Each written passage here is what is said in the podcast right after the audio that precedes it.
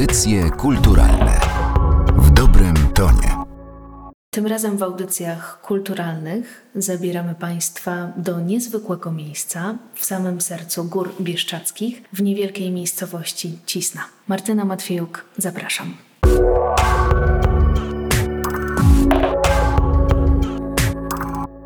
Znajdujemy się w pracowni ikon, po której oprowadza ikonopisarka Jadwiga Denisiuk, która zajmuje się tym od 30 lat. Dzień dobry.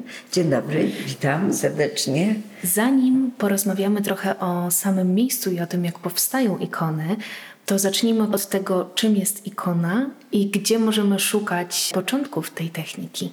Ikona jest obrazem o treści religijnej, ale nie każdy obraz o treści religijnej jest ikoną. Ikona rządzi się własnymi prawami i tradycja jest ogromna, bo już bardzo popularne ikony były w V wieku, także mamy te półtora tysiąca lat tradycji ikonowej. Początki ikony to są początki chrześcijaństwa w starożytnym Rzymie, ale tak naprawdę rozwój ikonopisarstwa, ikon, powiedziałbym tak brzydko, mody na ikony zaczął się w Bizancjum. A kiedy wobec tego ikonopisarstwo trafiło tutaj, na polskie ziemię? My jesteśmy tu na pograniczu, na pograniczu kulturowym i religijnym. Ten wschód po przyjęciu chrześcijaństwa od właśnie Bizancjum był prawosławny i w tym mniej więcej samym czasie Ruś i Polska miały chrzest, tylko jakby z różnych stron. A tu się stykamy na styka się ten zachód ze wschodem, prawosławie z katolicyzmem. I osadnictwo, które trwało, to był proces dosyć długi, dlatego że to są też tereny takie historycznie bardzo niestabilne. Ciągle mamy Tatarów, najazdy, wyludnienia wsi, więc w zależności od tego, która to ludność tutaj mieszkała od wieków, czy która przyszła, bo tutaj mamy też migrację z południa, to wszystko możemy powiedzieć, patrząc na datowanie tych ikon, że to jest XVI wiek, XVII wiek i nawet chyba mamy na tym terenie z XV wieku ikony. Ale też nie wiemy, czy one tu były tworzone, czy one szły razem z uciekinierami, prawda, z południa, z Bałkanów. To jest takie całe powiedziałabym, zjawisko. Trudno określić, kiedy ta ikona pojawiła się z ludźmi, bo ludziom towarzyszyła ikona.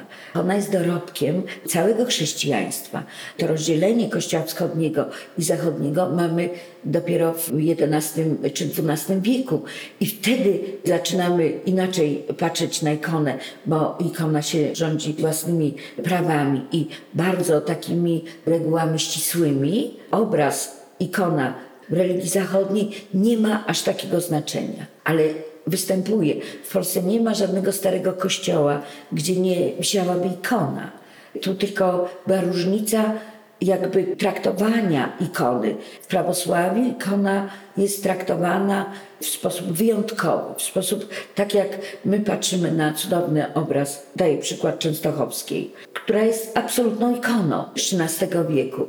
I tak jak patrzymy, że to jest cudowny obraz, tak w prawosławiu ikona jest traktowana każda jak cudowny obraz, ponieważ mówimy o przebóstwieniu ikony. Rozglądam się tutaj po ikonach, które znajdują się w Pani pracowni i zastanawiam się, który z tych obrazów jest najstarszy, bo one pochodzą z różnych okresów, prawda? Tak, są różne ikony. Są tu ikony karpackie, są tu ikony ruskie, te dwa anioły. To jest na podstawie ikon, które znajdują się w cerkwi na Kremlu i są autorstwa y, najprawdopodobniej Andrzeja Rublowa. Jest tu też słowacka ikona, bo krąg tej karpackiej ikony to, to jest Słowacja, Ukraina i Polska. Widzimy w muzeum jednym, drugim czy trzecim, y, że to wyszło z jednej pracowni, prawda? Bo tu dopiero po I wojnie światowej mamy rozdzielony ten świat granicami. No, jaka jest najstarsza ikona? To jest y, Chrystus z góry y, Synaj z klasztoru świętej Katarzyny. Jest datowany, mówię o oryginale, na VI wiek, bo przecież wszystkie te ikony, tu nie ma żadnego oryginału. Wszystko jest zrobione w pracowni, y, tak, w celach takich edukacyjnych. I to jest Chrystus z góry Synaj. Malowany był inną techniką, bo w VI wieku jeszcze była popularna technika enkaustyczna. Większość ikon jest w temperze żółtkowej. ta technika jest obowiązująca, jest nakazana przez tradycję, a ta ikona była no, genialnie zrobiona, dlatego że technika enkaustyczna jest trudna, ponieważ wosk schnie bardzo, sztywnieje bardzo szybko, więc malarz musiał naprawdę szybko robić. Podobno, podobno, pierwsza ikona jest III wieku i ta jest zrobiona na wzór tamtej. Także zbliżamy się do czasów Chrystusowych, gdzie trzeba by było potraktować to jak portret Chrystusa. Wspomniała Pani o tych regułach i takim kodeksie tworzenia Tak. ikon prawosławnych. Jakie to są zasady? Zasady zostały ustalone w połowie IX wieku na Soborze. Po trwających około 100 lat wojnach, to był okres ikonoklazmu, przeciwnicy ikony walczyli ze zwolennikami ikony, bo rzeczywiście ta popularność ikony zaczęła uwierać, dlatego że to zaczęło pachnieć bałwochwalstwem. Ogromna była popularność ikony, a jednocześnie judaizm i wpływy islamu zaczęły robić swoje, że nie wolno przedstawiać oblicza Pana Boga, malować, rzeźbić, że jest to bałwochwalstwo. I to było przyczyną tych walk. I w tym okresie palono ikony. Jak się skończyły te waśnie, to ikona dostała takie podwaliny intelektualno-teologiczno-artystyczne.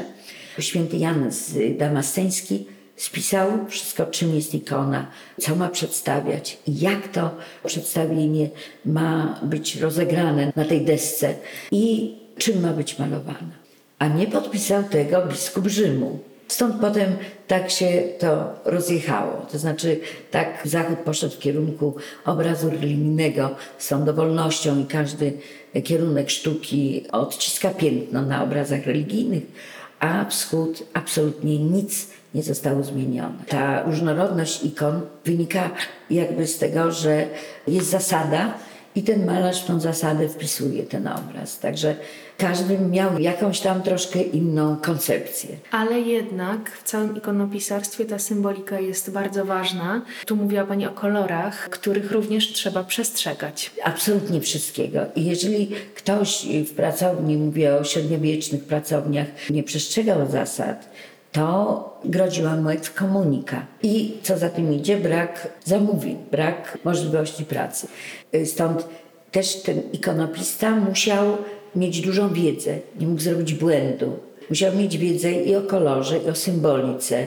Musiał znać Pismo Święte yy, dokładnie, bo yy, 90% tematów to są tematy z Pisma Świętego. To przejdźmy do tego, co znajduje się na stole, przy którym siedzimy. Jak powstają ikony krok po kroku? Więc zaczynamy od podobrazia. Podobrazie to jest właśnie deska. Deska powinna być odpowiednio sklejona, wysuszona, wzmocniona i pogruntowana.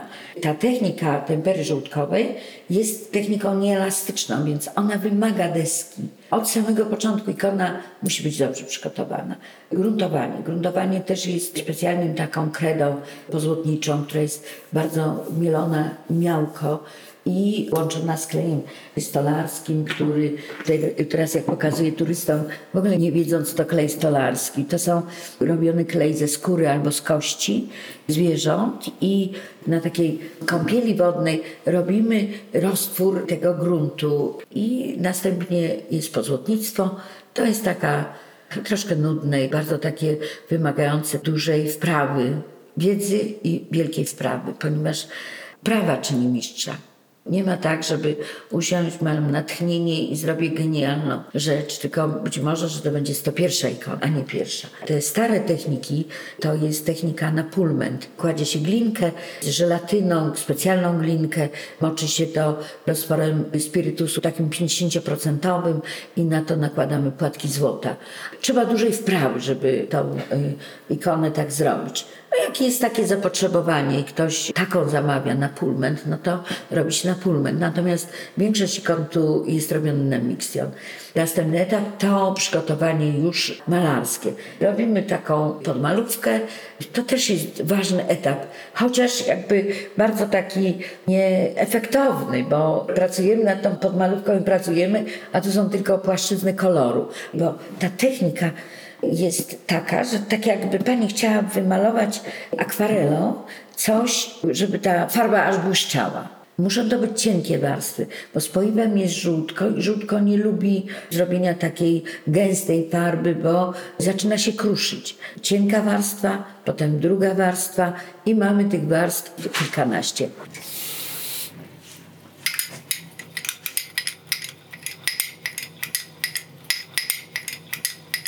Rublow powiedział, że ikona ma świecić światłem wewnętrznym, więc podmalówka powinna być jasna. No i ja tutaj robię z ochry francuskiej. Jest y, tak rozłożone, że mamy czystą deskę, rysunek zrobiony z wzornika.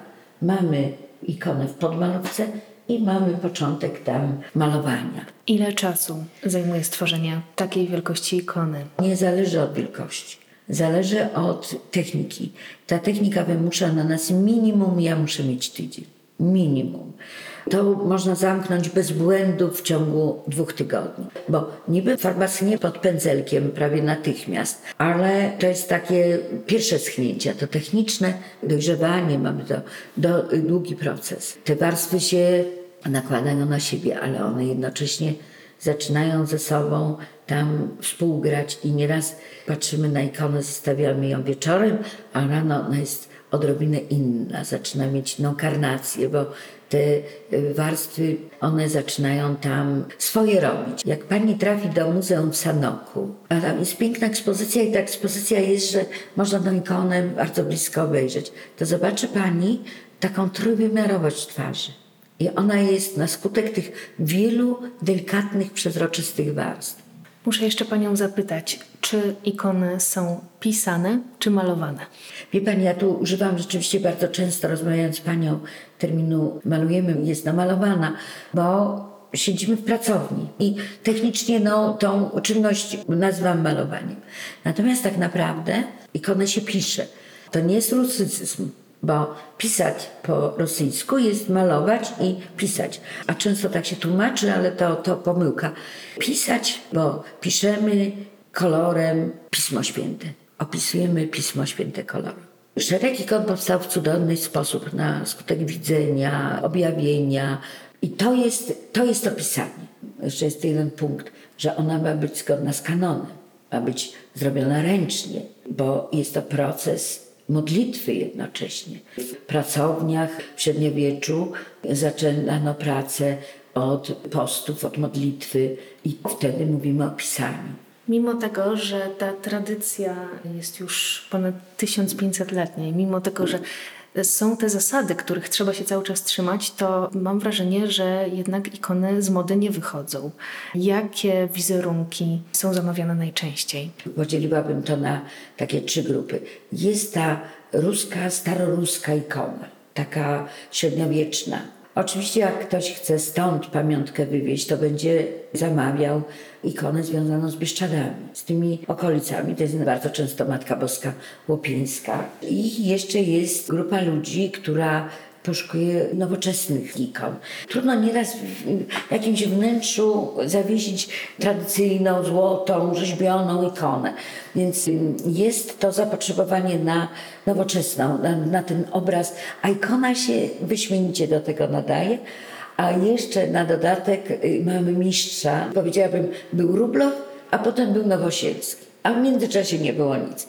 I tak y, idziemy śladami Nowosielskiego. I tutaj w pracowni, robiąc takie ikony według Nowosielskiego, tam nie odbiegając za bardzo. Więc mamy te 1500 lat tradycji, ale ikona jest ciągle tym obrazem ważnym, żywym i myślę, że trochę jest tych wielbicieli ikon. O historii i tworzeniu tych niesamowitych obrazów religijnych opowiadała pani Jadwiga Denisiuk wprost ze swojej pracowni w Cisnej w Górach Bieszczadzkich. Ja nazywam się Martyna Matwiejuk. Bardzo dziękuję za uwagę i do usłyszenia w audycjach kulturalnych.